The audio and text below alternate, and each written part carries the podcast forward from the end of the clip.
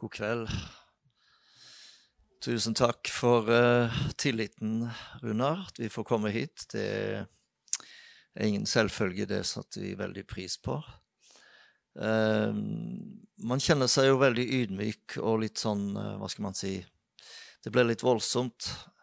Man tenker man skal bringe noe som kanskje ikke Ja, det er utenfor rekkevidde, egentlig. Og det er et bra utgangspunkt, for vi er bare enkle mennesker, men vi har opplevd Guds inngripen i våre liv. Det er det, det er det, engste vi har å fortelle. Det er at uh, Gud er så virkelig, og han, uh, han, er interessert i ikke å splitte, men å forene. Gud er forsoningens Gud, og han er den Gud som, uh, som gjør det umulige mulig. Og det har vi erfart, og det det er vår historie. Jeg tenkte jeg skulle begynne med en sang som jeg skrev uh,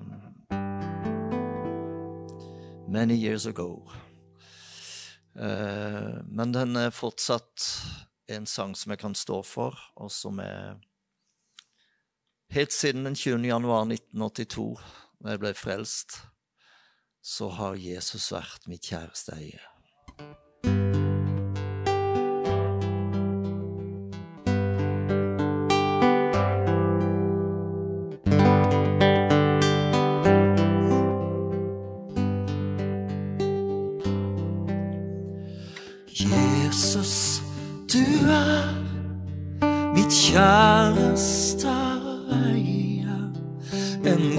Kostelig skatt som en dyrebar perle. Kjærlighet varm strømmer nå fra mitt indre til deg. Går min sang, du som ga meg livet. Ingen som deg skal heie mitt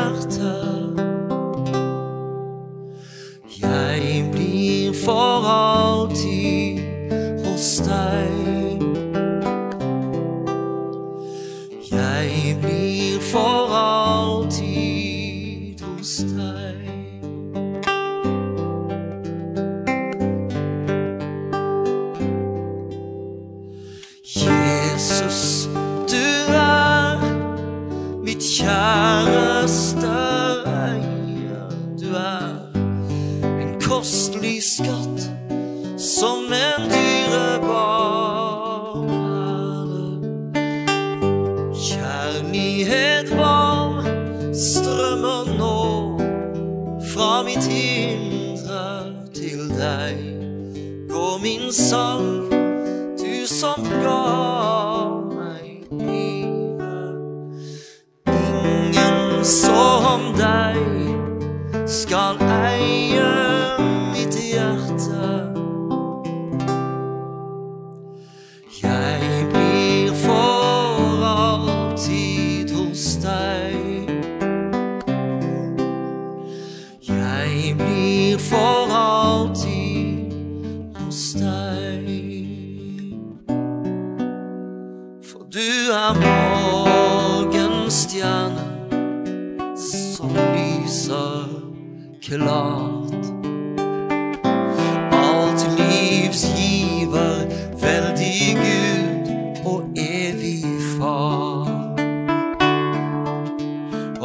Oppstandelsen og livet, livets første og livets ord. Den Gud som gir oss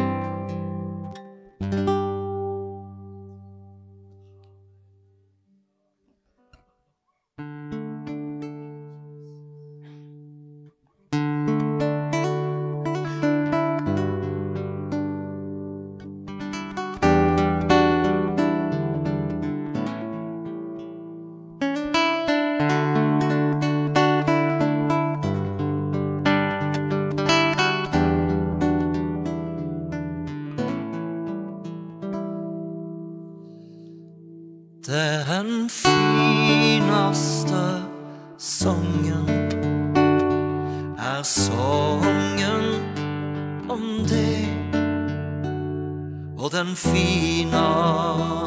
sanning er at du elsker meg. Den fineste tanke og den finaste at Jesus meg hilser velkommen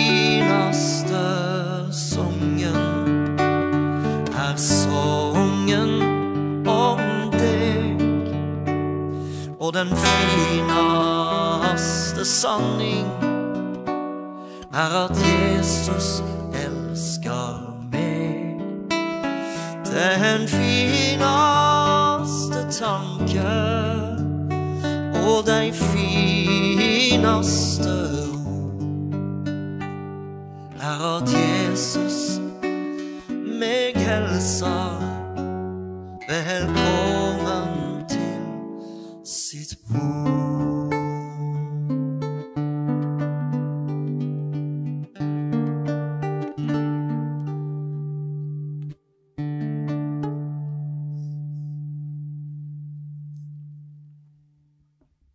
Jeg tar en eh, liten sjanse nå på denne låta jeg skal synge nå, men eh, hvis det er litt feil, så er, det en sånn uh, overbærende god, smilende forsamling, er det ikke det? men den er ikke helt ute av eh, konsept, men den uh, handler egentlig om um, Den heter The Champion. Og det er en ganske sånn uh, Ja, hva skal du si? Det er en kar som på en måte har svar på det meste i livet. Eh, det var jo min erfaring at eh, det er ikke Du kommer ikke til veis ende, du kommer ikke dit Gud vil ha deg hvis du har den tanken at du fikser alt sjøl. Så har dere lyst til å høre den her? Dere må bare si ja, for jeg er litt i tvil nå. Men uh, skal vi kjøre den?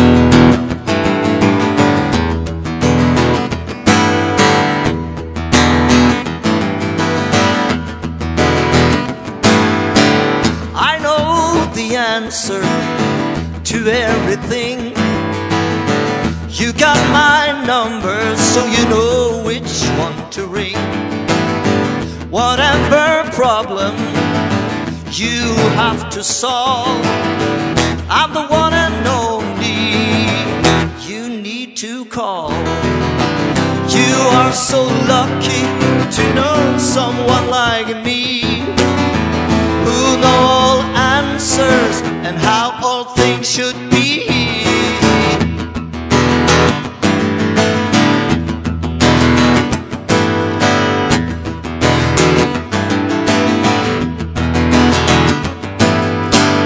I'm a politician, I got it all worked out. How a country should be ruled and what that is all about refugees, economy, taxes, and health care. My mind is so brilliant, I wish Obama could hear. You are so lucky to know someone like me who know all answers and how all things should be.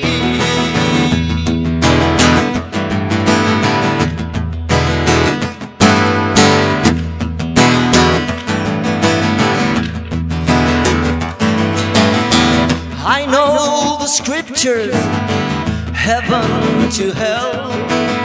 How great my wisdom, ain't no tongue can tell. Mysterious verses from Deuteronomy. I explain them all so well for the rest of you to see. You are so lucky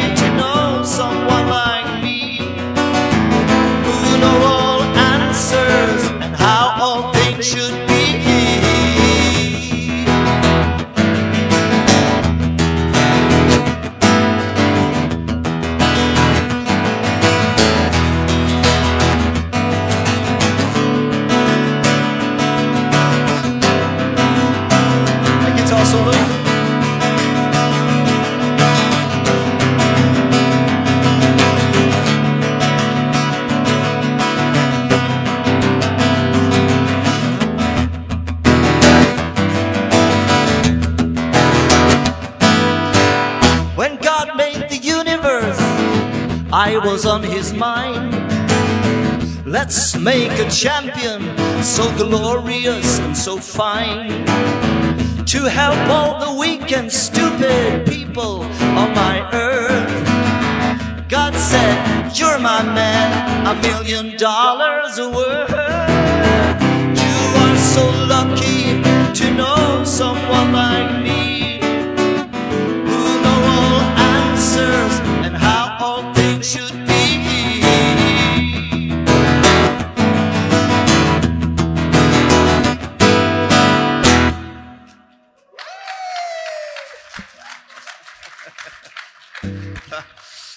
jeg måtte bare Så, men det Du bør helst ikke få sånn et en, Liksom eh, en skuld... Eller en uh, albue i sida nå.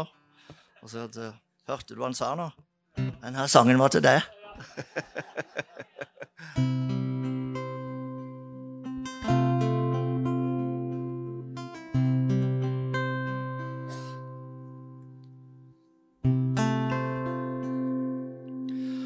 What a friend I found, closer than a brother.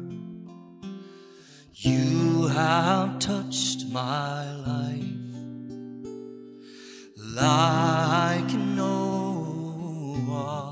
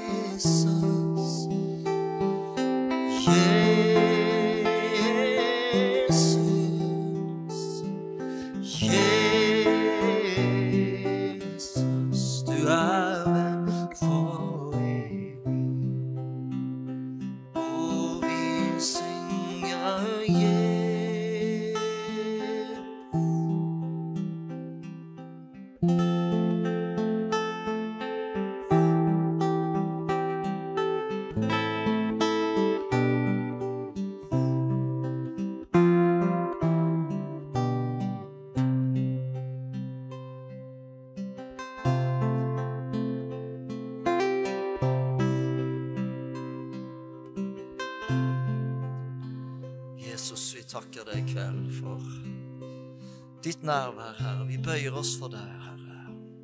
Jesus, du er vår frelser. Du er vår Herre.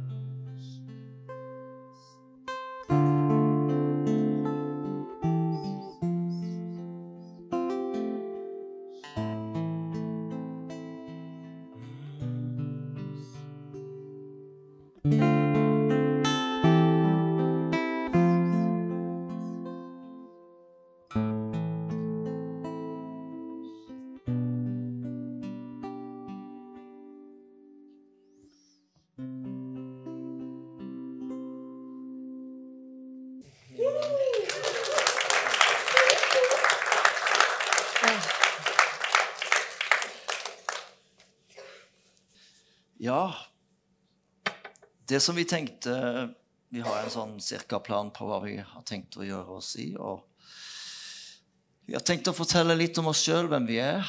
eh, Og litt om vår bakgrunn, oppvekst, hvordan vi møtte Jesus. Hvordan vi ble gift. Hvordan hun falt pladask for meg. sant? Det må dere jo, jo få vite.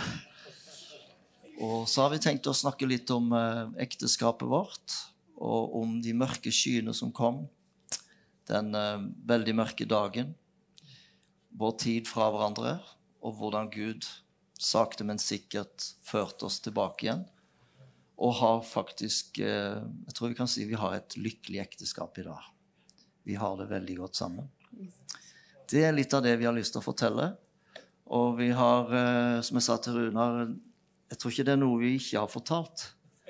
Nei. For eh, hele verden, holdt jeg på å si. Så vi har valgt å være åpne om det som var problematisk, det som var vanskelig. Og det er jo ikke sånn at det er kjempestas å fortelle om det hver gang. Men det er en del av eh, et troverdig bilde. Mm. Så vi har lyst til å dele eh, det mørkeste, men også det lyseste og det fineste. Så jeg tenkte jeg skulle begynne med å fortelle litt om meg sjøl. Navnet mitt vet du. Og eh, jeg vokste opp i en familie. Vi var syv. Eh, en god familie. Eh, jeg hadde tre, to eldre brødre og to søstre. En bror døde dessverre da han var ganske ung. Eh, vi eh, vokste opp på Nelaug. Alle vet jo hvor Nelaug er. Mm. Det er der, tog, det er der du bytter togskifte. Togbytte til Arendal. Så det der vokste jeg opp. Det var en fantastisk, eh, egentlig flott plass å vokse opp. Eh, Pappa var, var, var stasjonsmester. Og, eh, og ja Et lite lokalsamfunn med mye aktivitet og varme og flott plass. Mye av min oppvekst handla mye om Uh, musikk og uh, spesielt idrett. Det er ikke så fryktelig mye vi kunne finne på på den lille plassen. Så det var Det ble mye fotball og mye skihopping og mye sånne ting. Så jeg hadde en trygg og god oppvekst. Jeg hadde ikke personlig eh, kristne foreldre, men gudfryktige var de eh, på mange måter. Jeg hadde en bestemor som var kristen og, og frelst, eh, som eh, kanskje har påvirka mer enn en, en en, klar over. Men ingen i min nær familie var kristne. Som var din oppvekst, Sissel? Ja, jeg kommer fra Grimstad. Eh, Jeg vokste opp i Grimstad med mamma og pappa og eh, en eldre søster og en eldre bror. Så jeg var minstemann. Og jeg hadde òg en veldig god barndom. Eh, Veldig, veldig trygt og godt og harmonisk på alle måter. Eh, Og eh, ja, det Det var eh, eh, Hva skal jeg si det, det, det var jo Den gangen så ble vi sendt på søndagsskolen, og det var speideren, og det var junioren, og jeg tror det var stort sett sånn kristne aktiviteter. Eh, jeg var med på det. Um, så, så jeg kan bare huske at jeg alltid har hatt en tro på, på Jesus, på Gud. Mm. Um, og så var jeg nok en sånn guttejente, da. Eh, jeg holdt jo på med fotball. Og så hadde jeg en bror som drev med skyting, så det ville jeg jo holde på med. Så jeg var med på litt landsskytterstevne og litt sånn. Um, og så og Min bror holdt på med boksing, så det skulle jeg jo prøve litt på. Det Prøvde du på det? Ja da. Men eh, jeg skjønte vel at det så litt uff- Ja.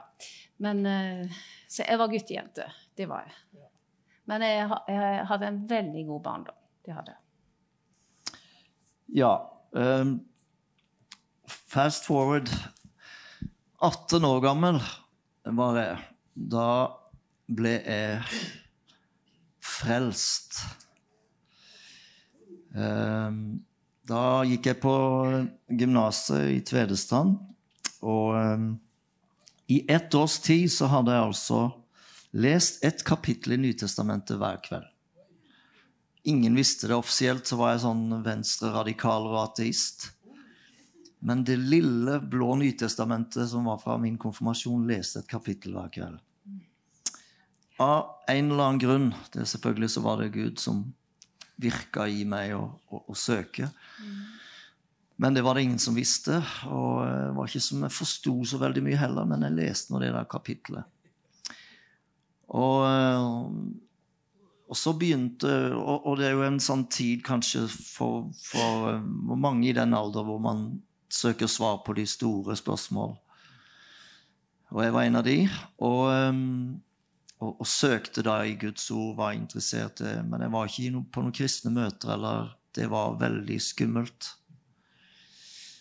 Men den kvelden, den 20. januar 1982 Altså 42 år siden i går. Det er i dag. Det er i dag. 20. Ja.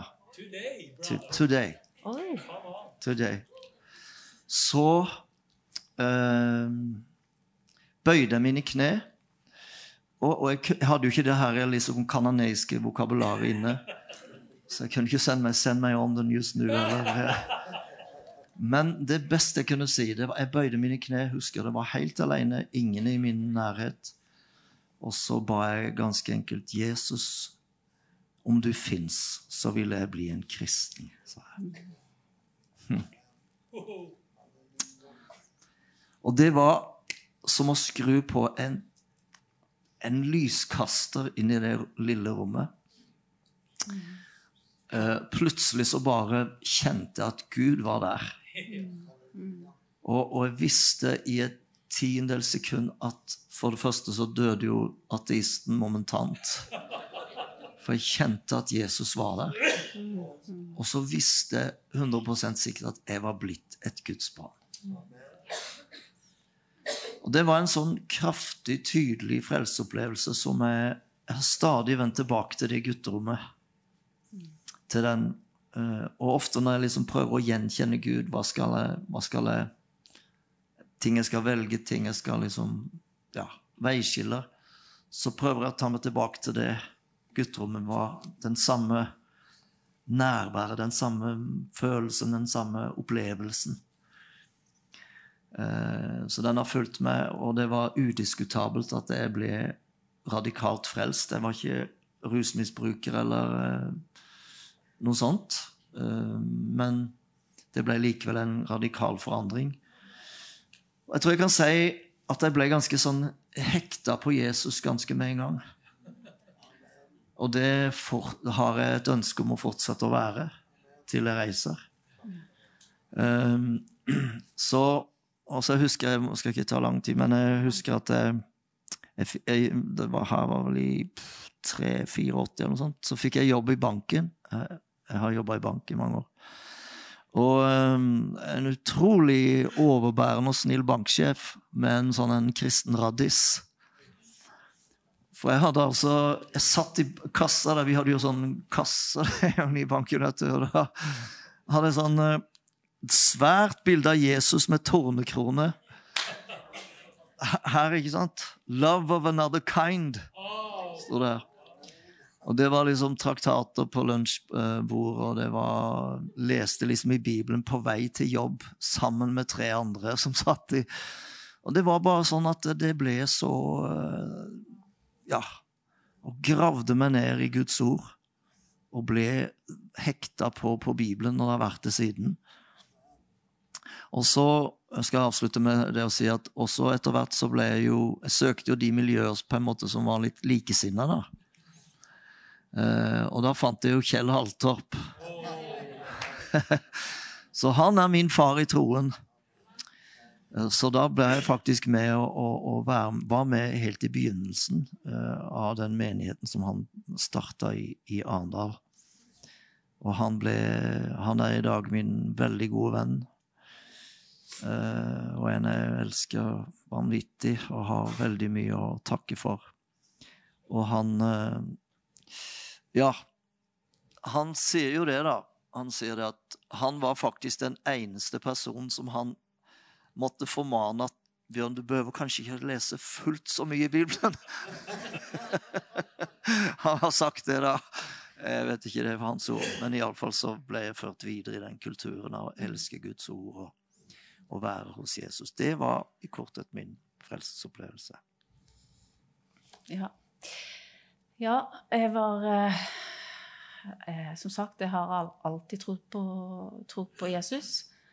Og, eh, og, igjen, det kom sånn ved 16-17-årsalderen, ikke sant. Og, da, eh, da, slutter en jo ofte på de her aktivitetene. Slutter på speideren fordi at folk slutter og, og kor.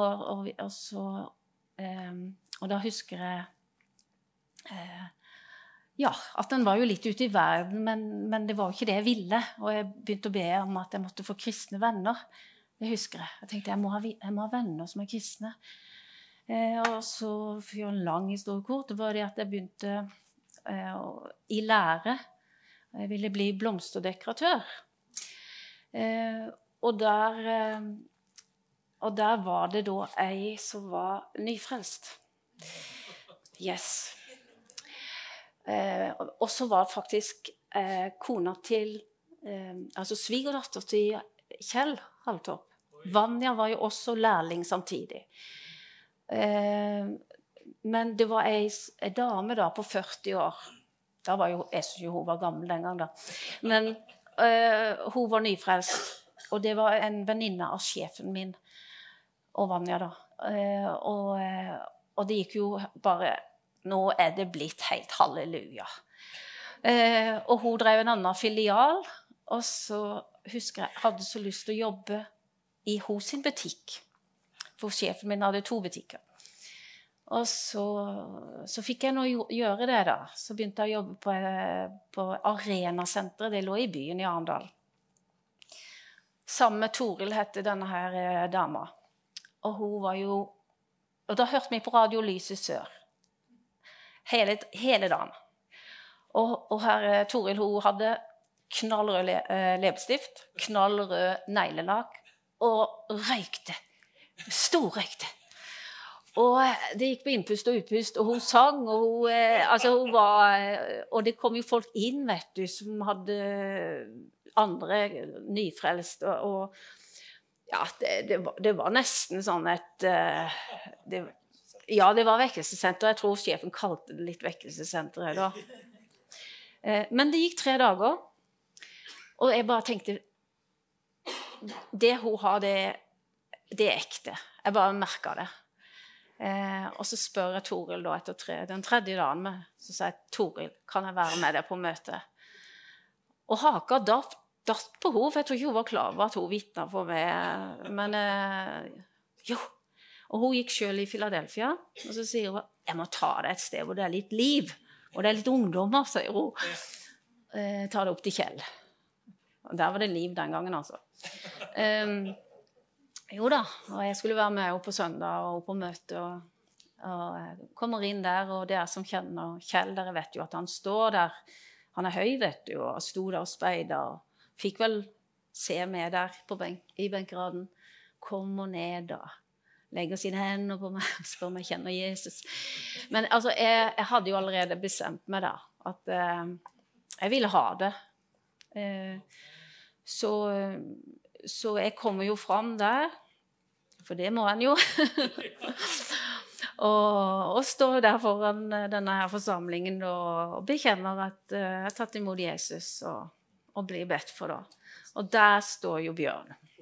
Så jeg møter egentlig jeg tar imot Jesus og møter Bjørn første gangen. Ja. Første møte. Første møte.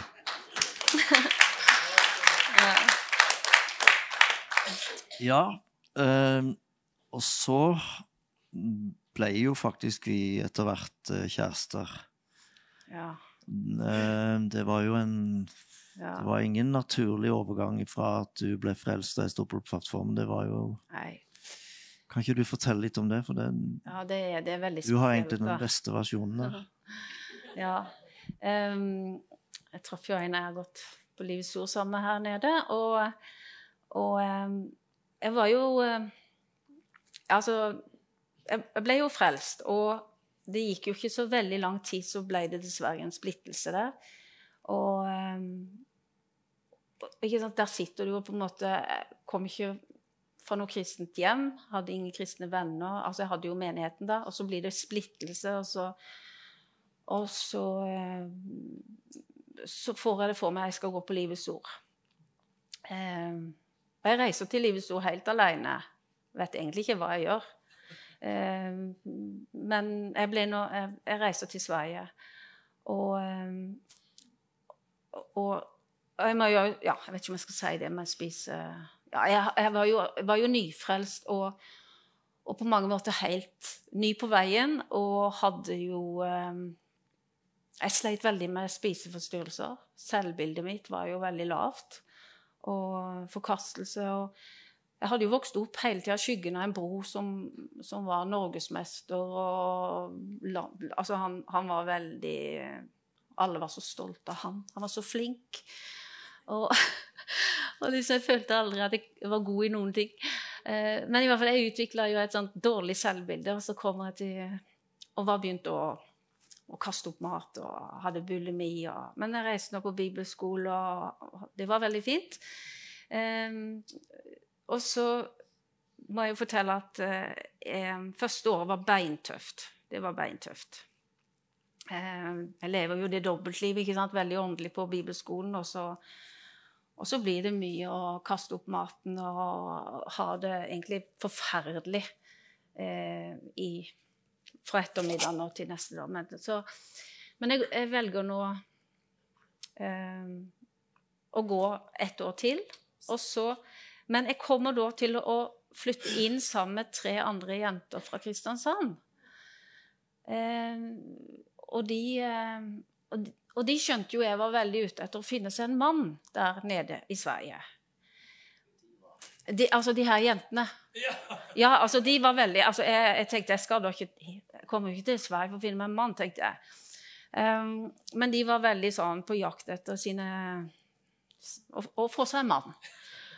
Og de var sånn 'Å, Sissel, åssen mann vil du ha?' Og, sånt, sånn. Og, og, så hadde vi Mary Alice eh, Islev, ikke sant? og hun sier det at da hadde hun sagt at jeg må være konkret, jeg må skrive liste.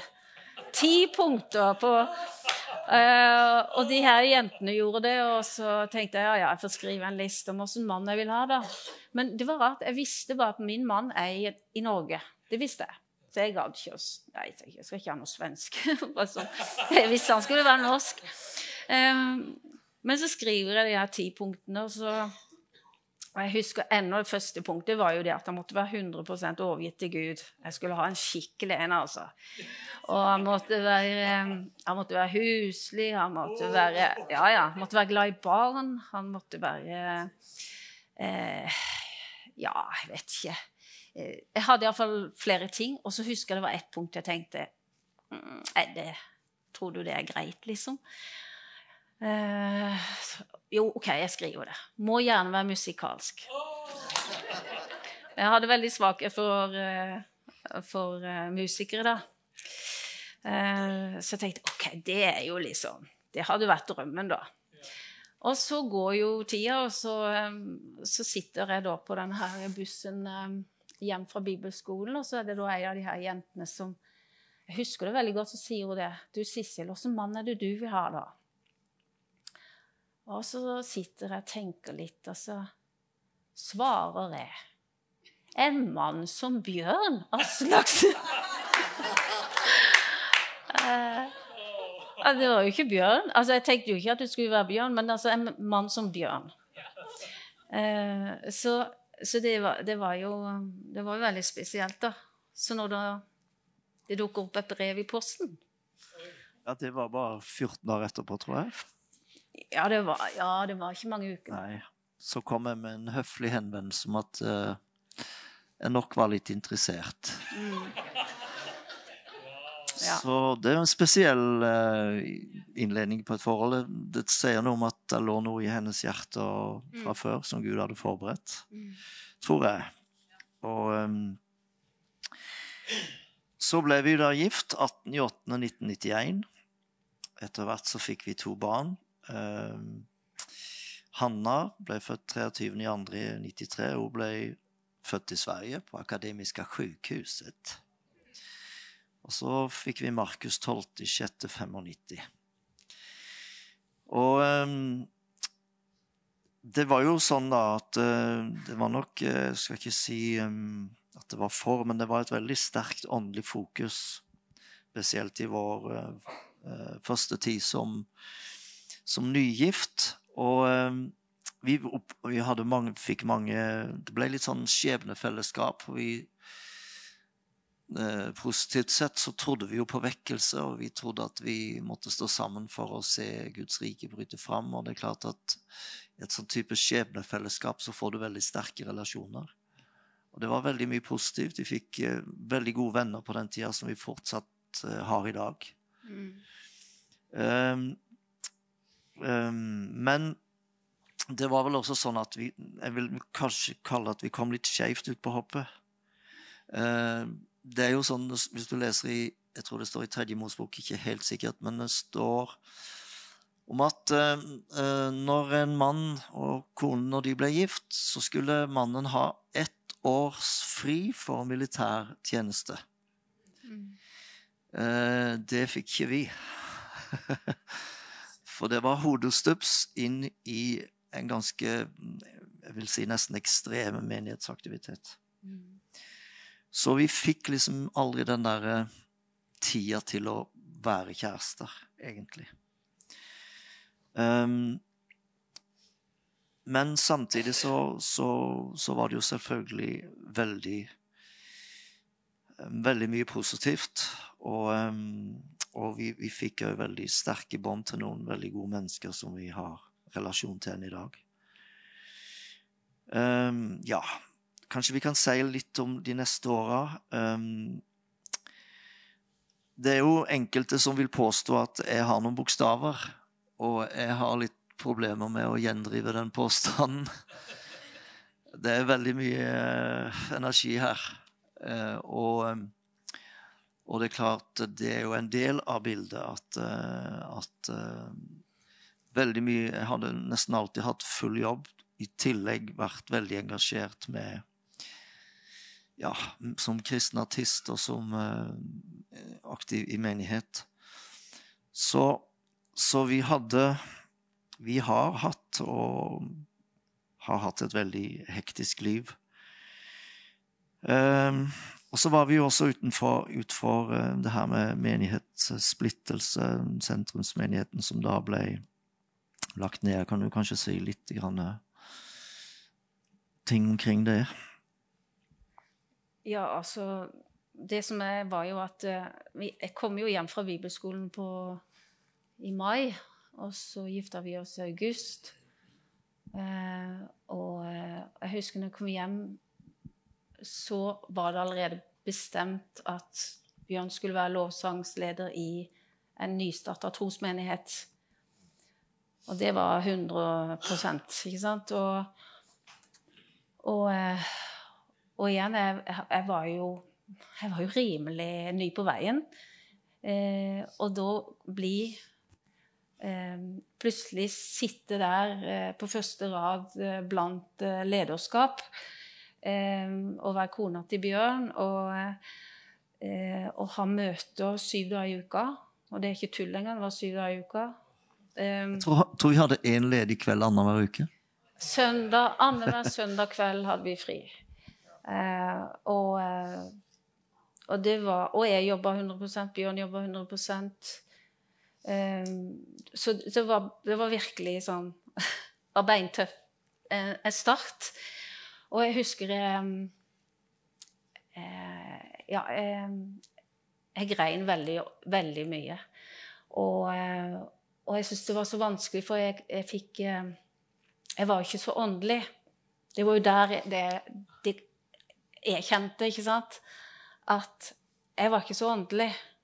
De her var jo pastorer, det var evangelister, og de var mm, Han hadde talent for musikk, og, og jeg var bare gift med Bjørn, ikke sant? Og, og, og, eh, og, ikke bare det at Jeg fikk jo på en måte høre det litt, da at, at eh, Hvor mye har du bedt? Og eh, Ja, det var det, det, var veldig tøft. Og, og eh, ja eh, Ja, nå datt jeg litt ut av det, men eh, Ja, nei, men det var jo Det var jo det her som du har sagt en god del ganger, at du du hadde Du følte at eh, du hadde liksom liten egenverdi. Ja, ja. Din verdi lovte at du var kona mi. Ja, altså det var, det, altså da, da, mm. da, var jo Bjørn Det blir jo litt sånn kleint å si det, men han var litt kjent. ikke sant? Åh, hadde jeg hilst på Bjørn? Hadde jeg hilst på kona til Bjørn? Og, ja, dette er kona til Bjørn. Og, sånn, det var så Eh, så, så det, liksom, det, ble min identitet, da. Mm. Alt er, altså, det jeg gjorde, det gjorde jeg fordi jeg var kona hans. Mm. Og det at jeg satt der, det var fordi jeg var kona hans. Og, eh, og det Ja, jeg, jeg var det, det, var ikke akkurat en boost for min selvtillit, da. Eh, så eh, så det, det, var, eh, det, det, var syv tøffe år, det vil jeg si. Ja. Mm. Det var det, og, og, det Jeg tenker litt sånn, reflekterer litt over livet. Det er jo Man har lov til det når man passerer 60. Da kan man ta seg den frihet. Ikke, ikke for lenge, men noe. Men det er jo Jeg er så, så glad for alt man har vært igjennom, og som kunne ha gått så galt. Vi kunne ha gitt opp troen, vi kunne ha blitt bitre, vi kunne ha gjort så mye Tatt feil valg. Og, så sitter vi her i dag, og vi har fortsatt den samme enkle tro på Jesus. Det er jeg så takknemlig for. Men de her perioden i den første menigheten der var jo en ordentlig Fikk oss en veldig uheldig utgang der. og det var mye vondt, mye vanskelig. Mange mennesker ble såra. Så går det jo noen år, og så blir jeg kalt eh, som eh, ble spurt i Philadelphia Vennesla om jeg vil reise dit og bli musikkpastor. Det sier vi ja til. Flytter hele horden, holdt jeg på å si, alle fire. Uh, Sissel sier jo ikke jobben sin, og vi reiser til Vennesla. Og så er vi der i fire-fem år. Det ble også en litt sånn ugrei avslutning på det, det kapitlet, selv om det er veldig mye var veldig mye positivt. Og da reiser vi derfra tilbake til Arendal da, med en, en, på en måte en sånn Hva skal du si Et skadeskutt. Et skadeskutt, spesielt i forhold til det med menighet. Vi, vi, kjenner at vi har store problemer med å bli en del av et fellesskap igjen. Mm. Med liksom den historikken vi har. Um, og, og så, bare for å ta det også, så blir vi faktisk spurt om å starte treningssenter. Og da når vi kommer hjem fra Vennesla, så starter vi treningssenter. Eh, og Der er mye armarbeid, jeg kan love det. Så jeg har jo da full jobb, samtidig som at jeg er styreformann og bygger opp en hel bedrift fra null medlemmer. Og jobber vanvittig mye. Og Sissel ble jo ansatt der etter hvert, og Markus, vår sønn. Eh, så hvis vi bare prøver å summere opp litt, Sissel, så, så bringer det her eh, på en måte bakteppet med den mislykka menighetstilhørigheten og arbeidet. Mm. Det med et veldig høyt arbeidstempo. Um, du sliter også med med den herre identiteten din. Du er ikke trygg i deg selv. Eh, du har identitet mye i liksom, min person. Og samtidig så har jeg eh, psykisk ustabil. Sliter med helseangst. Det kom nok inn når min, min bror han døde av kreft da han var 28 år gammel. Og jeg var med han på sykehuset da var jeg 22. Så han liksom dø. Da satte mye seg i meg. Og det får på en måte en eh, Ja, sliter mye med det, rett og slett. Så, så det bringer veldig mørke skyer over, mm. over oss. Mm. Ja. Personlig og over òg relasjon. Mm. Um, og det leder altså til, uh, til den dagen 9.9.2019. Um,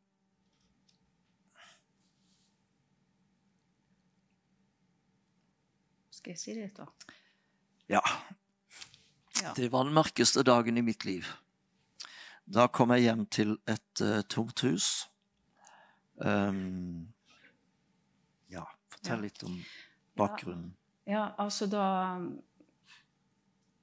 Da hadde vi jo gått mange runder. Eh, og det var bare sånn at det, det kom, det kom på en måte liksom ikke opp. eh, og eh, og livet var veldig strevsomt. Det var egentlig det. Og eh, jeg syns alltid det var Det, det, var, det var, var, bare strev og, og eh, Ja, jobba jo veldig, veldig, veldig mye. Og, eh, og ja, det var nesten ble en medisin egentlig bare å, å jobbe òg, da. For da, klarte jeg, da trengte en ikke tenke. Men, men den kom jo dit hen at jeg hadde ingenting jeg så fram til. Jeg hadde ingenting jeg gleda meg til. Jeg husker ikke når jeg hadde ledd sist. Um, og når folk sa ja, må du slappe av, nå må du liksom ta det og gjøre noe koselig, så tenkte jeg hva gjør folk når de gjør noe koselig? Jeg hadde ikke lyst til noe. Jeg visste ikke hva jeg skulle gjøre. Um, jeg, var liksom Jeg var kommet dit hen, egentlig. Um, og så um, uh, Så sleit jo Bjørn. Han hadde jo hatt perioder hvor han hadde hatt den helseangsten tidligere, men jeg vil jo si du da hadde tilspissa seg litt. da. Um, og, eh, og det Samtidig som jeg Altså, han, han var redd for å dø, og jeg tenkte Gud kan ikke dø. Så det var bare sånn ehm, det, det, var veldig svart for meg. Var, og eh, ja, jeg så egentlig ikke Jeg så, jeg så ikke eh, noe, noe utvei. Jeg var veldig deprimert. Og, og det, det, som var, var jo at jeg, jeg våkna egentlig bare opp den, den, lørdagen før og tenkte jeg må ut. Jeg må vekk. Jeg tenkte ikke jeg vil skilles. Det, det tenkte jeg ikke på. Jeg bare tenkte jeg må vekk. Jeg må ut. Um, og så Det her var på lørdagsmorgen, og så fikk jeg ordna et sted å bo, og fikk ordna at en skulle komme og hente noe, og så flytta jeg på mandag. Eh, og det var jo når han kom hjem da på mandagen. Eh, så den handlingen der, den var ikke overveid. Det var ikke noe jeg hadde tenkt på. Det var egentlig bare en sånn Jeg pleier å si det var sånn en desperasjon.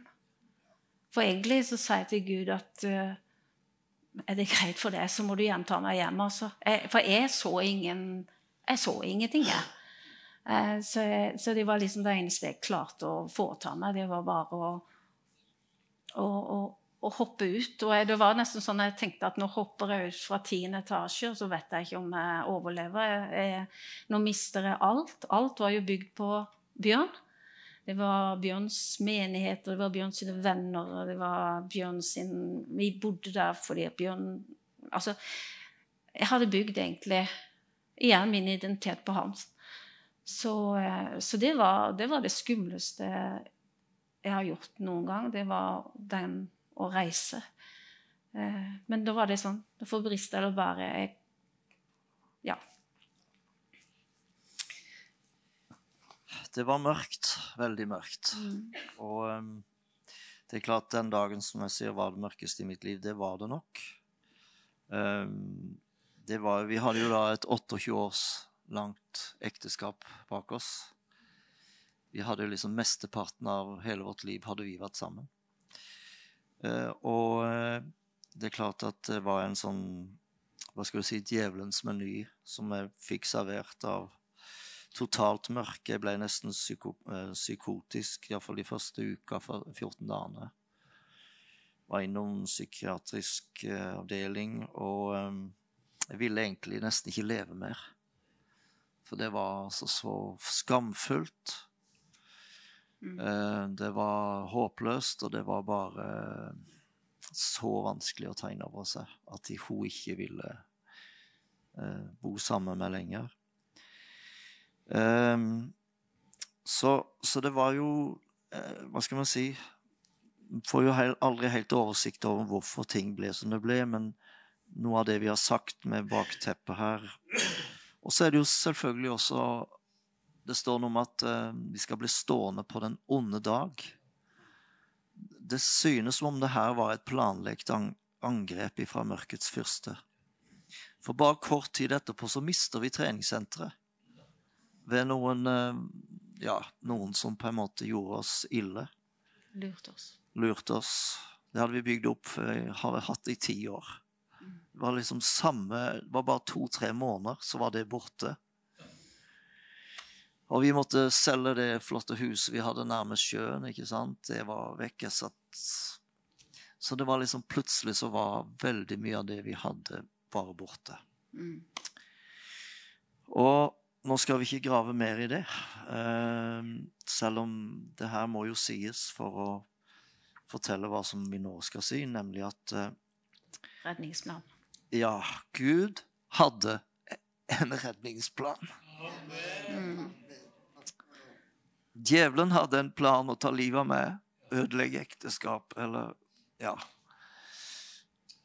Men Gud hadde en redningsplan, og den vet du hva, den kobla vi på ganske fort. Mm. Fordi både meg og Sissel, vi hadde vi hadde, ingen annen, vi hadde ikke noen annen vei å gå. Men den veien kjente vi begge to. Så jeg tenkte kanskje du kan begynne å fortelle litt. eh, her Overskriften heter 'Kaster oss på Gud'. Ja. Ja. ja og så må det jo nevnes at eh, covid kom jo, kom jo parallelt med dette. Eh, og for meg så var det Jeg vil si det var en velsignelse. Det var i hvert fall ingen Ja, det var Det gjorde ting litt enklere. Eh, så, så jeg fikk jo eh, Ja, jeg var å kaste seg på Gud, og så var det for min del, da var det det at jeg måtte, jeg måtte finne Jeg måtte altså, Jeg måtte på en måte finne meninga med livet. Gud. Eh, hvis jeg, jeg, jeg, vil- jeg, jeg vil leve. Jeg vil ikke bare overleve. Jeg vil leve. Du, du må jo ha noe for meg. Hvem er jeg? Hva er det du har tenkt at jeg skal gjøre? Eh, så det var egentlig det som var mitt, eh, mitt første rop, og, og det som drev meg, da. Eh, og, eh, og ganske fort, da, så Det er jo fantastisk. Det var bare liksom, Jeg var masse i bønn og leste Bibelen og hørte på tale og gikk på jobb, da. Men så var jeg jo masse aleine. Eh, men da svarer jo Gud. Og så fikk jeg ganske fort eh, det her bibelverset om at du er skapt i Kristus Jesus til gode gjerninger. Som Gud har lagt ferdig for at jeg skal vandre i dem. Og folk bare leser det og tenker Men jeg tok det helt bokstavelig. Jeg er skapt til gode gjerninger. Og jeg bare sa tusen takk. Det sa jeg. Jeg trenger ikke noe mer. Jeg trenger ikke å synge og stå på scenen. Um, så det bare traff meg. Jeg tenkte takk, nå, nå, har jeg, nå har jeg det jeg skal gjøre. Og da har jeg nok, nok å gjøre. For Gud svarer på bønn. Så, så, så det var liksom det første som måtte på plass. At jeg var faktisk skapt med en hensikt. Amen. Um, ja, så, og, så det var jo egentlig det at, eh, at eh, Ja, og så veldig fort, da. Så jeg trente, gikk på jobb og hadde min alenetid. Og det var veldig dyrebart. Eh, men jeg fikk eh, en innbydelse da til å være med i en smågruppe. Og det vil jeg si det var Det ble høydepunktet for, for meg den eh, onsdager hver onsdag. Eh, og så var det jo covid, så vi hadde lov å være fem stykker da. Eh, men vi Altså de, de står meg nær. Det ble min, eh, min familie. Og eh, ja. Men Gud, han bare visste det. Eh, så det, det, ble, det er faktisk de menneskene som står meg nærmest i dag òg. Mm. Du har sagt her jobb, bibel, bønn, taler, bønnegruppe, barna og trening. Ja. Det var stort sett det Mm. ditt var. Mm. Mm. Ja, altså jeg var jo da på en måte litt sånn tilbake til gutterommet. eh, og eh, det ble også det her eh, Ja, det er noen som har sagt det sånn at 'pray as if your life depends on it'. Og når du ber som at du klarer deg ikke uten, og Jesus sier jo også at uh, mennesket lever ikke bare av brød, men lever av hvert ord som kommer fra Guds munn, Mm. da er det sånn at du klarer deg ikke uten. Og det var min uh, hverdag. Jeg hadde ikke overlevd. Det var så tøft, så vanskelig, så mye en storm inni meg at jeg måtte bare kaste meg på Gud. Og gikk, Jeg tror jeg sleit ut mange par sko, for jeg gikk eh, i skogen og ba. Ba i tunger. Gravde meg ned i Guds ord, hørte taler. Eh, så vi fant jo vår plass ved Jesu føtter, Sissel, både meg og det. Vi gikk på en måte vi, vi, valgte de samme løsningene, sånn sett. Mm. Ja. For vi hadde Den veien kjente vi, og, og, og, og, vi visste at det er det ultimate svaret for våre liv. Mm. Den er hos Herren. Mm. Mm. Eh, og så må jeg si også noe veldig viktig. Eh, eh, det at jeg opplevde bare tror jeg kan si 14 dager eller noe sånt, så levendegjorde Gud et ord som jeg bare vet at jeg vet at jeg vet at han sa. Vet du hva han sa? Han sa, 'Jeg vet hvilke tanker jeg har for dere.'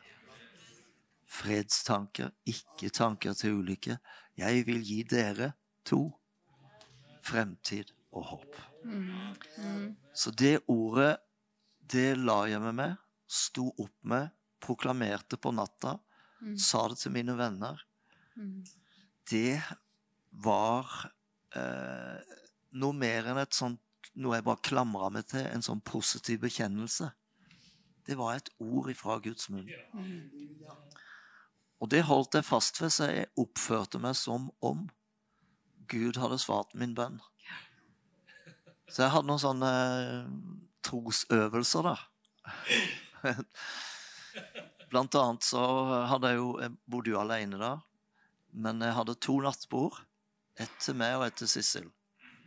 Og hver kveld når jeg la meg, så bøyde jeg meg over på puta ved siden og kyssa puta, og så sa jeg 'god natt, Sissel'. Eh, og hver gang jeg kom hjem, så sa jeg 'Hei, Sissel'. Det var ikke mange jeg fortalte det her til, for det hadde jo eh, Ja, det kunne ha ført til eh, mye greier. Men eh, Og jeg kjøpte ring til henne halvannet år før vi var sammen. Så sa jeg den skal du få når vi er gjenforent. Den har hun fått. Har hun på deg? Nei, ikke nå. Dessverre. Dessverre. Altså. Beklager det. nok det. Men, eh, Men, men iallfall så, så Det ordet fra Gud, og det som Mm. du òg sier, at du fikk den bønnegruppa, du fikk noen mm. For det, det er utrolig Det er sånn Dennis Greenwich Jeg prata med han en del om det her. Han sier at God have some destiny friends for you. Mm. Altså noen som, venner som er der når du absolutt behøver dem. Mm. Og så er det også noen destiny enemies. Altså noen som vil stjele det bønnesvaret du skal ha. Men jeg fikk noen sånne der Destiny Friends, og én heter Glenn Rasmussen. Fantastisk mann. Vet du hva? Jeg snakka med han hver dag i 28 måneder. Og han sa det kommer til å bli som Gud har sagt. Mm. Det sa han uansett.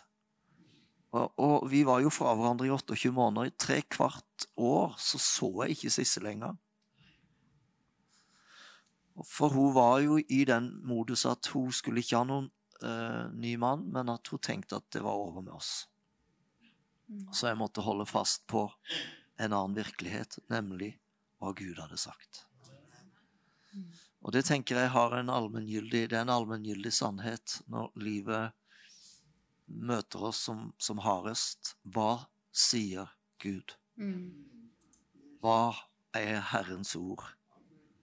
Fordi det Han tar ikke hensyn til omstendigheter. Han er eh, over det. Mm. Og det er faktisk en viktig del av vår gjenforening. Mm. Det er at jeg fikk det ordet, og holdt fast på det ordet. Så det eneste som har skjedd, er egentlig at Gud oppfylte sitt ord. Og så tror jeg også at vi ser at vi tok noen gode valg. Mm. Vi kasta oss på Gud. Um, ja. Og så vil jeg også si, det må du snakke litt om, Sissel, med at den perioden vi var fra hverandre, og vi kasta oss på Gud, som vi sier og Det var egentlig det er ikke noe vi kan rose oss av. Det er bare Vi hadde ikke noe annet alternativ. Nei. Altså, Jeg måtte si med, med Peter Hvor skal vi gå hen? Du har det evige livs ord. Mm. Det var liksom bare så enkelt. Mm. Men det var jo sånn at jeg fikk det her levende år, så var det jo sånn både for meg og deg at, eh, at det var mange ting som Gud satte lys på i livet mitt, og som jeg måtte ta et oppgjør med. Eh, og det var liksom Når Gud taler, og han sier 'det her må du omvende deg fra', så er det ikke sånn at ja, jeg skal tenke på det, liksom. Da bare Oi, hva har jeg holdt på med? Så lyskasteren kom på mitt liv på en helt annen måte, øh, ny måte. Som gjør at jeg må si at jeg kjenner meg nesten ikke igjen i forhold til der jeg var for noen år siden. Og øh, Kan ikke du fortelle litt om det, Sissel? Om um, spesielt det her som Gud talte til deg om, om tilgivelse og uh, Ja. Uh, ja, nei, uh, men før det så var det jo at den, Hvor er den? Skal vi se Det er du som har notert litt her. Ja, når du um... Jo. Nå. Nå, nå, nå, du, må, du må ha riktig rekkefølge, skjønner du. For, for, nå kan vi spole fram til uh, høsten før siste, siste Ja, høsten før vi ble gjenforent. Mm. Eh, da skjedde det mye, skjønner du. For jeg, jeg trodde jo at jeg skulle være aleine. Og en periode så tenkte jeg at det er det jeg vil. Eh, jeg har prøvd, og det funka ikke. Og er det ikke Bjørn, så er det ingen andre. Det er Gud mitt vitne på. Og Det var ingen eh, flørt eller melding eller noe. Eh, det, var, det, det, var, helt uinteressant. Eh, men mm. jeg var begynt å be en bønn, da. Eh, og jeg ba skje din vilje. Eh, for da hadde jeg, jeg, jeg var blitt trygg på at Gud vil meg godt. Og da kan du spørre om det. Da kan du si til Gud at jeg vil at din vilje skal skje. Eh, for du vil det beste for meg. Jeg husker akkurat hvor det skjedde Gud, når Gud sa det. Så jeg sa at eh, Skje din vilje, for du vil det beste for meg. Så hører en stemme si det beste for deg at du blir sammen med Bjørn igjen. Så det Så det var bare sånn, Men det var sånn mild stemme. Det beste for deg er at du blir sammen med Bjørn igjen. Um, og det var ikke sånn ho-ho, yes! Liksom, da tenkte jeg Det var OK, ja. Eh, er det det, ja? Men, men da var det neste bønnen min, da, var jo at Gud, da må du hjelpe meg til å tilgi. Eh, for det var så mye vondt. Eh, jeg, hadde, jeg, hadde, så mange sår. Det var så mange minner, opplevelser. Eh, som, det var som kroker ikke sant? Som, som du kjenner. Det bare napper, og det, det, Ja. Så da sa jeg til Gud at da må du, da må du eh, hjelpe meg, så jeg kan tilgi Bjørn. Og da igjen, Gud, han svarte meg, så, så gir han meg dette ordet Nå husker jeg ikke hvor det står, han Bjørn, men eh, når disiplene kommer til Jesus, da, og det snakker jo om tilgivelse, hvor mange ganger skal vi tilgi? Eh, så sier jo Jesus at det skal jo tilgi uendelig. ikke sant? 70 ganger 7. Og, og så sier disiplene 'øk vår tro'. Eh, så svarer Jesus eh, om du har tro som et morbærtre. Nei, om du har tro som et sennepsfrø, kan du si til dette morbærtreet. Rykk deg opp med røttene og plant deg i havet, og det skal skje. Og det der med røttene Det ble sånn rema-ord for meg. At eh, Gud tar det med røttene. Um, og, og det, var jo, det, var jo, det som skjedde den høsten. For da visste jeg det beste er å bli sammen med Bjørn igjen. Og Gud, nå tar du det med røttene. Og så måtte jeg bekjenne. Jeg måtte be, be om at, at, jeg tilgir han. Jeg måtte be det ut og, be, og, og nevne ting og kjenne at eh, jeg ville det. Jeg ville tilgi han. Jeg ville ikke, jeg ville ikke ha det agget som stadig liksom kom opp i visse sammenhenger. Eh, så å tilgi, det er noe du velger. Så jeg valgte å tilgi. Eh, og da Da skjedde jo ting veldig fort på denne høsten der. Og som, òg må nevnes, var jo det at Den hellige ånd, han er jo én. Så Den hellige ånd jobba med meg og jobba med Bjørn. Og vår reise ble jo veldig sånn med Jesus. Veldig åndelig. Og jeg syns jo Jeg fikk jo høre at jeg var blitt ganske ekstrem. Og det var jeg helt sikkert òg. Um, for det var alt, var alt altså, Det var det som holdt meg i live. Det var å være med Jesus og høre på taler og Så jeg var det. Jeg var skikkelig ekstrem, som, som de mente da. Um, men, men, men, så opplevde jeg at Den hellige ånd han talte Han, han, han uh, belyste de tinga uh, som, som, som, ble åpenbart for meg. Det, det gjorde han for Bjørn òg. For vi var begynt å, å kommunisere litt og, og, møtes litt. da. Og da, da tenk, husker jeg tenkte at det er noe rart. Jeg, bare, jeg opplever at det var Bjørn som skjønner meg. Så, han skjønner egentlig det derre uh, Ja. Fordi det, det, var litt av en reise jeg hadde, altså sånn åndelig òg. Mm. Men, men, da fant du òg den der felles ja, plattforma der, da. Det, det, det, det, låter kanskje litt rart, men det, var, det er derfor vi kan se til er Jesus som førte oss sammen. Mm. For Jeg husker en, en kveld da vi vært og ja, begynte å få litt kontakt og traff treftes hverandre og var ute og spiste litt uh, lunsj, og det var Ja. Jeg visste jo at nå er tida snart her. I knew. Men da husker jeg en kveld da, så, så, så, sa jeg til Sissel Nå må vi snakke om noe annet enn Jesus. det ble liksom uh, ja, litt flåsete, kanskje. Men det var iallfall uh, Det var det som levde i oss. Det brant i oss begge to. Og det er det som er fortsatt. Det er så enkelt. Det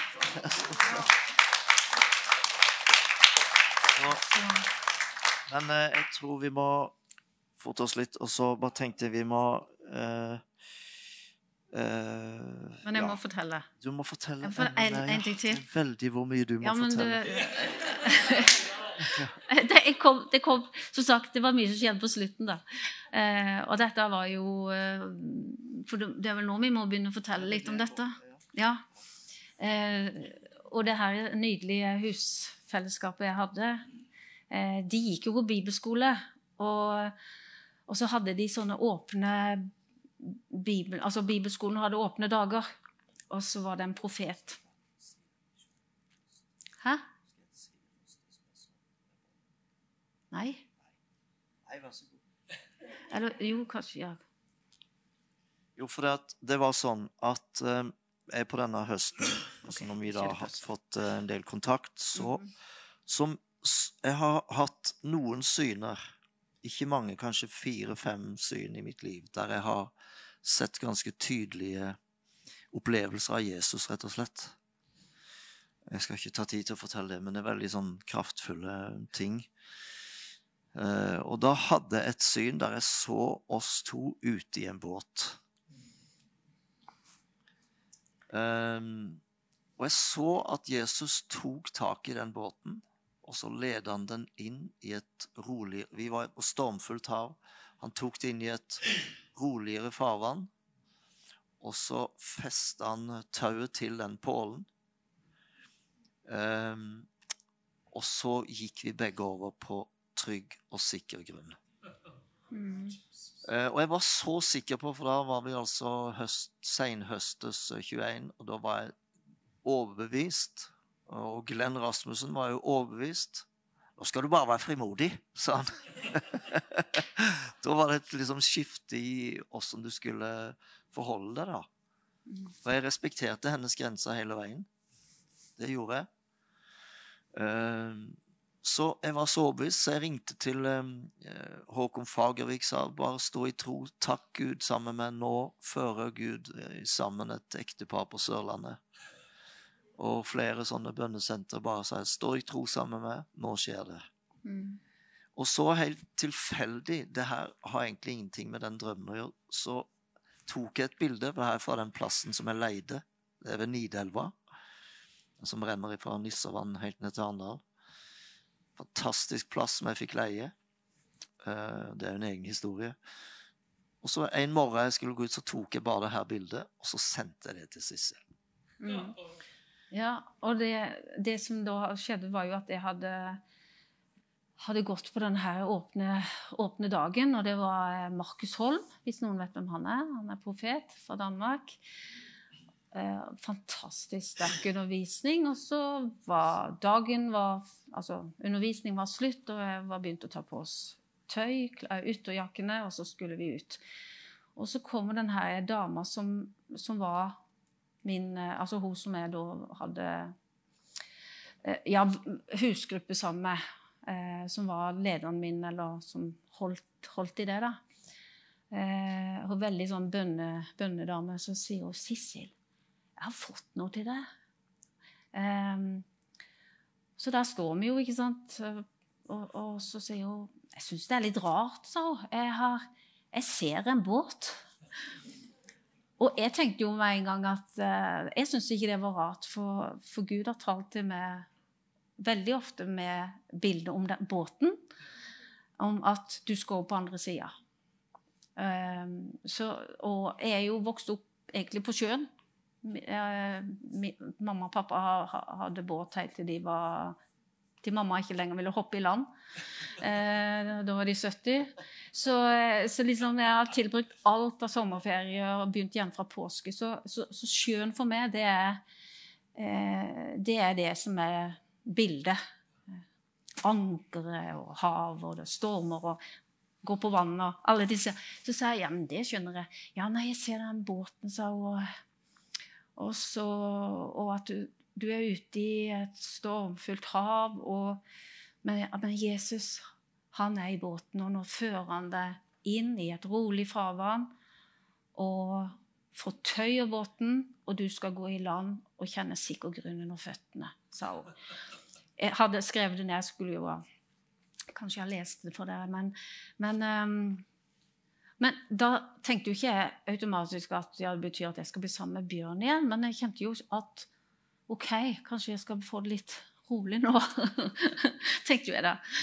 Eh, for jeg har jo virkelig vært ute i storm.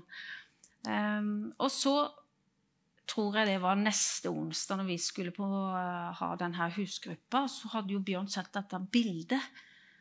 Og så viser jeg dette, så sier jeg det er da veldig rart. Jeg ser, jeg ser bildet jeg har fått av Bjørn, sier jeg da til hun. Lisbeth heter hun. Eh, det er jo akkurat det du hadde profetert over. Se den svære pålen da, som fortøyer og, og, eh, og, og, rolig farvann og ja, fjellgrunn under der. Og, og jeg syns det var veldig spesielt. Men igjen kobla ikke så voldsomt over det, da. Men, eh, men det var det var altså eksakt det samme som, som jeg hadde fått. Mm. Det var det hun fikk som en profeti. Mm. Mm. Det syns jeg var så bra. Min historie har skrevet 25 sider om alt som skjedde i de 28 månedene. For én ting var det ordet jeg fikk fra Jeremia 29,11, men hele veien så oppmuntra Gud meg. Mm. Jeg skal bare ta et lite eksempel. Jeg hadde altså Det her var jo mot slutten, det var i september. Vi ble jo gjenforent 8. januar 2022. Eh, og, og, så fikk jeg det her ordet fra Jesaja 66, eh, der det står at um, Kan en nasjon bli født på en dag? Og, og altså Skal jeg føre barnet fram til, til livmorsmunningen, og så blir det ikke noe, liksom? Så sa Gud til meg, tro det har ført deg hele veien, og så ble det ikke noe gjenforening. Og så ble jeg så oppmuntra av det at hvis nå er det rett før. At det her oppfylles. Mm. Jeg var så begeistra. Neste dag så ringer Arne Skagen meg fra Bergen, en forkynner. Flott kar. Og Så sier han du, Bjørn, eh, og jeg kjenner ikke han veldig godt, men jeg har truffet han noen ganger. Så sier han jeg ba til Gud på morgenen i dag. Og så fikk jeg se en skøyteløper sånn, som holdt på å gå 10 000 meter. Så hadde han bare én runde igjen, og så ga han opp. Han ville gi opp. Så ville han gi opp. Og så sa Gud til meg 'Ring til Bjørn'. Det var dagen etter at Gud hadde gitt meg det her ordet fra Jesaja. Så masse sånne ting. Og det er sånn Gud er. altså Når han gir et ord, og så oppmuntrer han un underveis på veien til det bønnesvaret som, mm. som vi skal ha, og som du skal ha. Mm. Holdt nesten på å si halleluja, men uh, det var like før, egentlig. Mm. ja.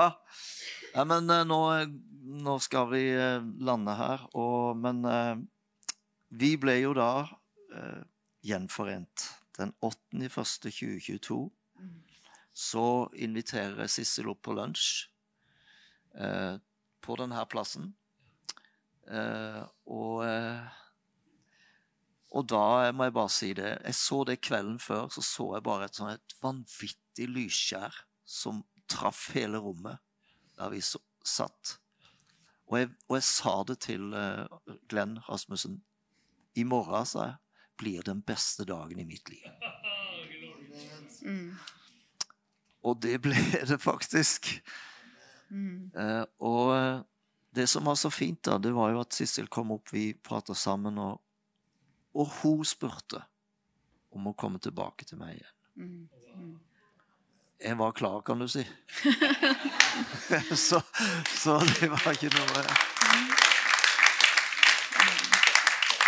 Og, og, og, det er veldig mye som kan Vi kunne sagt veldig mye mer, men vi har sagt mye allerede. men det som jeg tror, eh, iallfall som du har sagt, Sissel, og eh, som en del av på en måte den Du har landa i en, en, selvstendighet i Gud. da. Og nå er det jo ikke sånn at vi anbefaler å være borte fra hverandre i to, 28 måneder. Nei. Det vil jeg absolutt ikke si. Men, men, vi skulle jo ha vært der på en måte hele veien. Men den, den tryggheten du har funnet i Gud Og du hadde et sånt fint bilde om den herre ja. Um, veien. Uh, første Jeg vet ikke om det var første eller andre morgen uh, etter vi var blitt sammen igjen, så så, så jeg et helt sånn tydelig bilde. Jeg, jeg, bare, jeg bare, så at, at, vi gikk på en vei. Og så på, Jeg ser at vi går på en vei som er rett, men så har vi hver vår sti. Eh, vi går på hver vår sti, på én vei. Og så går vi ved siden av hverandre. Mm. Og det, det, så jeg så tydelig. Jeg, jeg, gikk på hans høyre side. Eh, jeg har det bildet veldig tydelig. Og var som Gud bare viste meg at nå går dere på samme veien, men dere har hver deres sti. Mm. Ikke sant? Men dere er kommet like langt. Dere går ved siden av hverandre. Og det, for meg så var det jo det som måtte Altså det der at vi er likeverd. Og i Gud eh, Ja, vi er ett òg. Så det, det, var veldig sterkt. Og så sa jeg til Bjørn Hva sa du? Jeg sa til Bjørn eh, når, når, vi var sammen Jeg tror det første jeg sa til Bjørn, så sa jeg du må være klar over du får ikke samme kona tilbake. det var det første jeg sa til han. Eh, eh, for jeg tenker på dette skal jeg aldri miste. Eh, det, det er det fineste jeg har fått. Eh, men så sa jeg jo noe som Bjørn har satt veldig pris på. Jeg sa til Bjørn Bjørn, du fikk meg ikke tilbake. Du vant meg. Så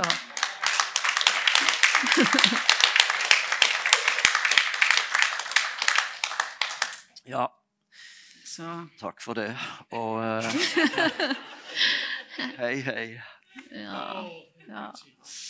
Så, eh. Men uh, det var jo Gud som la den iveren i meg, og jeg må mm. si at det å tenke på noen annet enn Sissel frista meg midt i kneet. Mm. Det var overhodet ikke aktuelt. Og, og, jeg kjente det. Jeg skal kjempe for det her. Og jeg har fått Gud med meg i den kampen, og det var han. Og, og sånn Det som Siste punkt her, livet nå.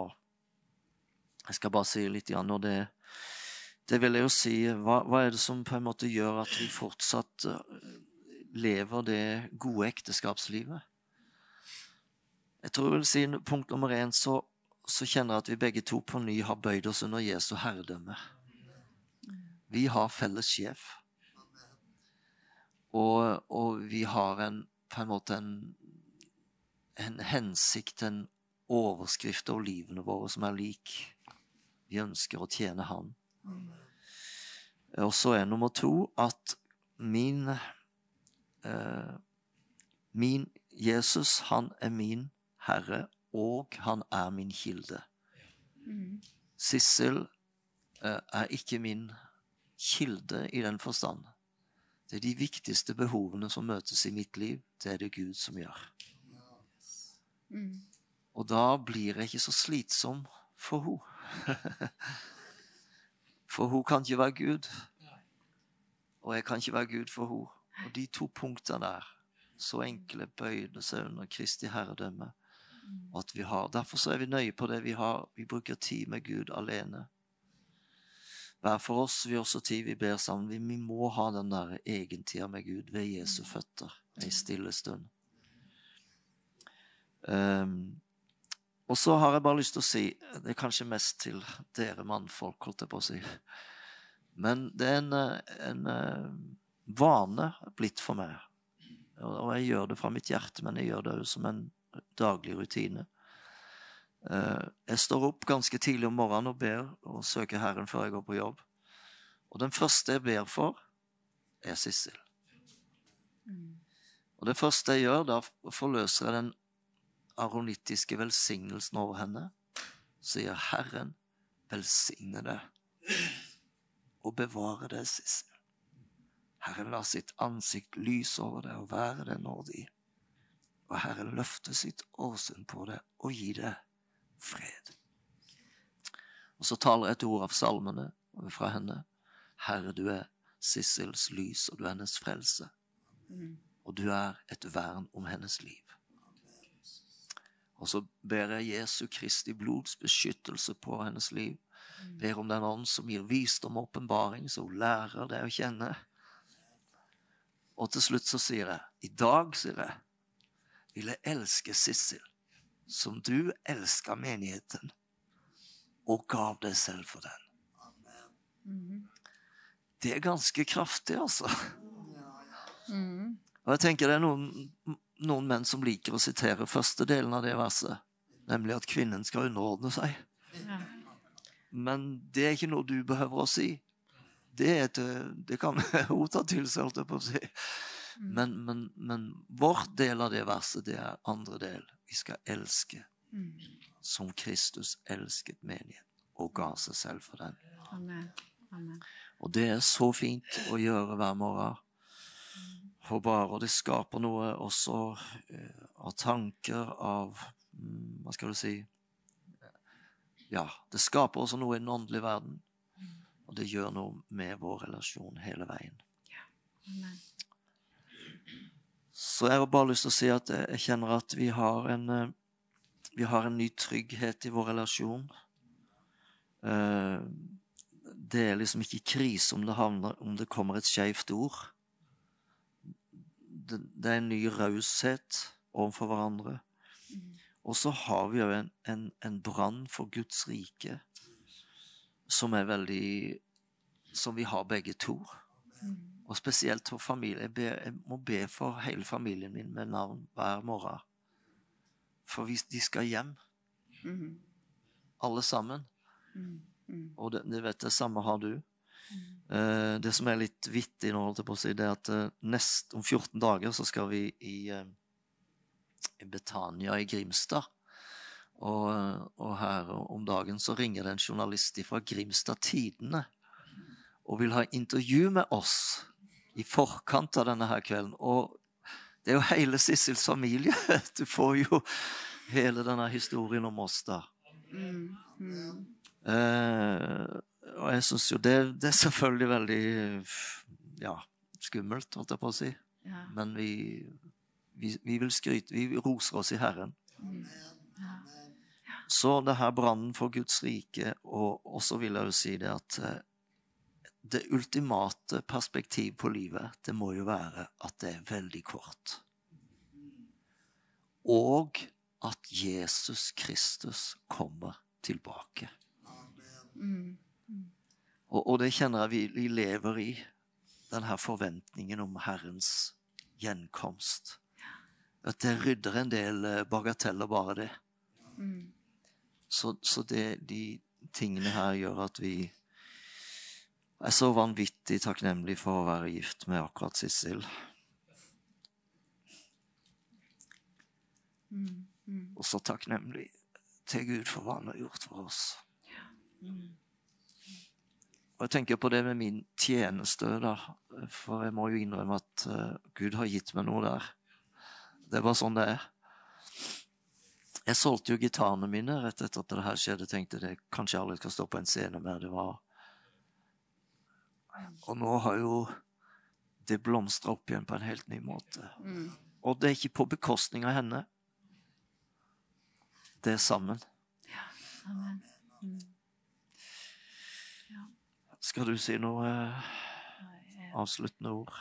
Ja, det, det, det avsluttende det avsluttende ordet jeg vil si, er jo det at eh, samfunnet i dag har jo blitt en sånn quick fix.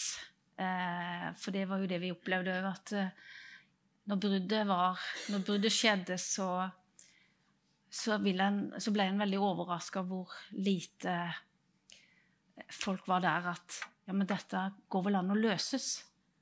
Det var bare sånn eh, Som jeg sier, det var sånn to, kanskje.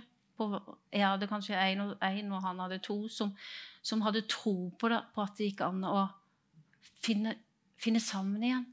Liksom Samfunnet i dag så er det sånn Ja, du har jo ikke noe greit, han er jo ikke noe snill med deg, så nå, det, nå må du ikke finne deg i det. Og, og eh, jeg hadde ingen som kom og sa at kan det ikke være Kan det ikke bli mulighet til at dere finner tilbake til hverandre? Eh, ingen. Og, og det syns jeg er sånn, en liten tankevekker.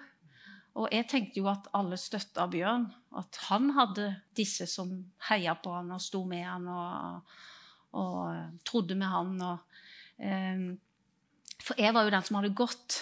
Ikke sant? Så jeg, jeg, tenkte jeg får jo bare som jeg fortjener. Ingen, jeg hører ikke fra noen. Det er jo ingen som Ja.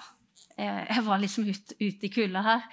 Um, så uh, Men det gjorde veldig vondt òg, da. Jeg satt mye alene den første jula. Uh, det var ingen telefoner.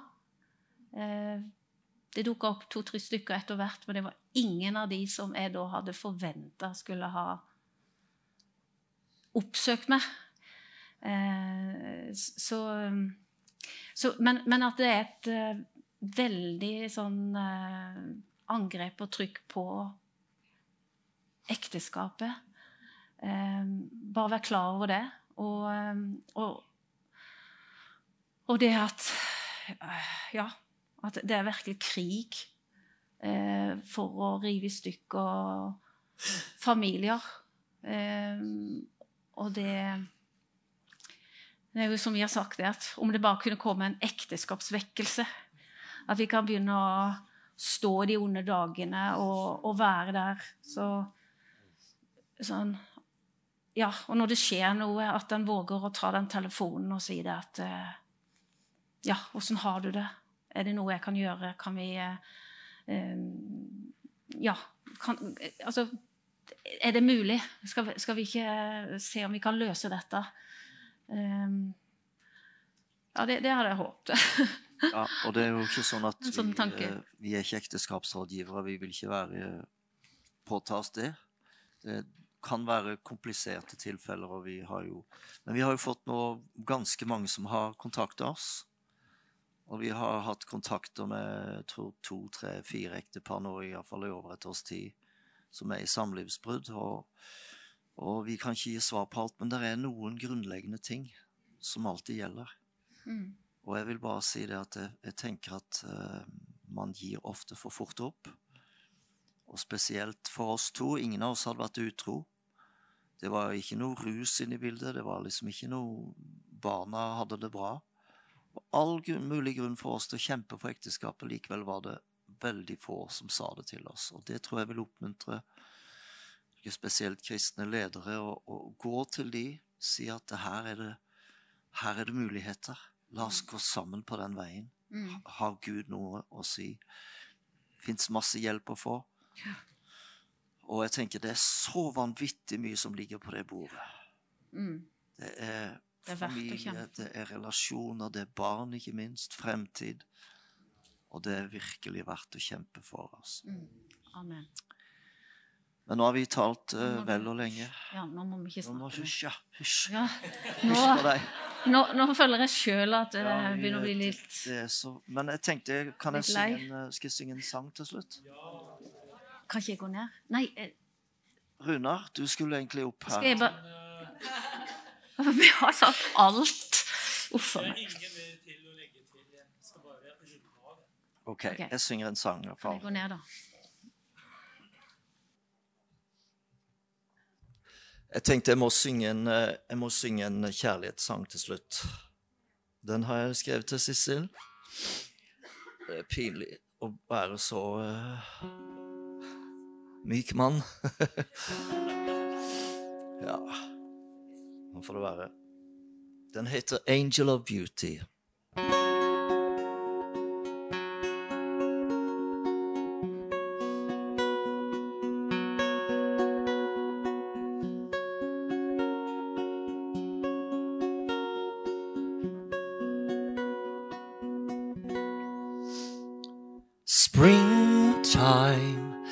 Summer seems to fill my heart.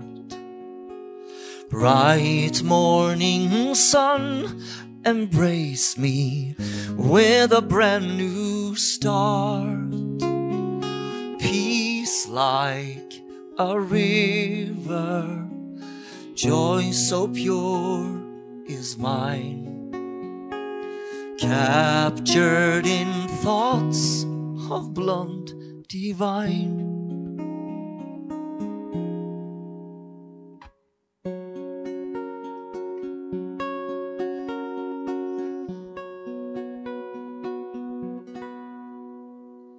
The wine of your love fills my cup to overflow leaving my world of sadness, pain and hurt must go.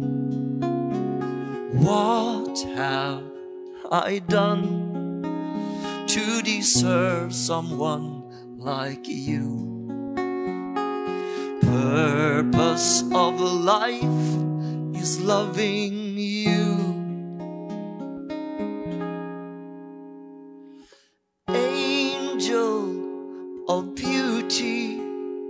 I lost my soul in you. Every fiber of my being lives to honor you. Angel of beauty, to my passion, I'll be true. Though I know that you're loved by many that you meet and see. Still, I know that even God in heaven, He would agree. No one loves you like me.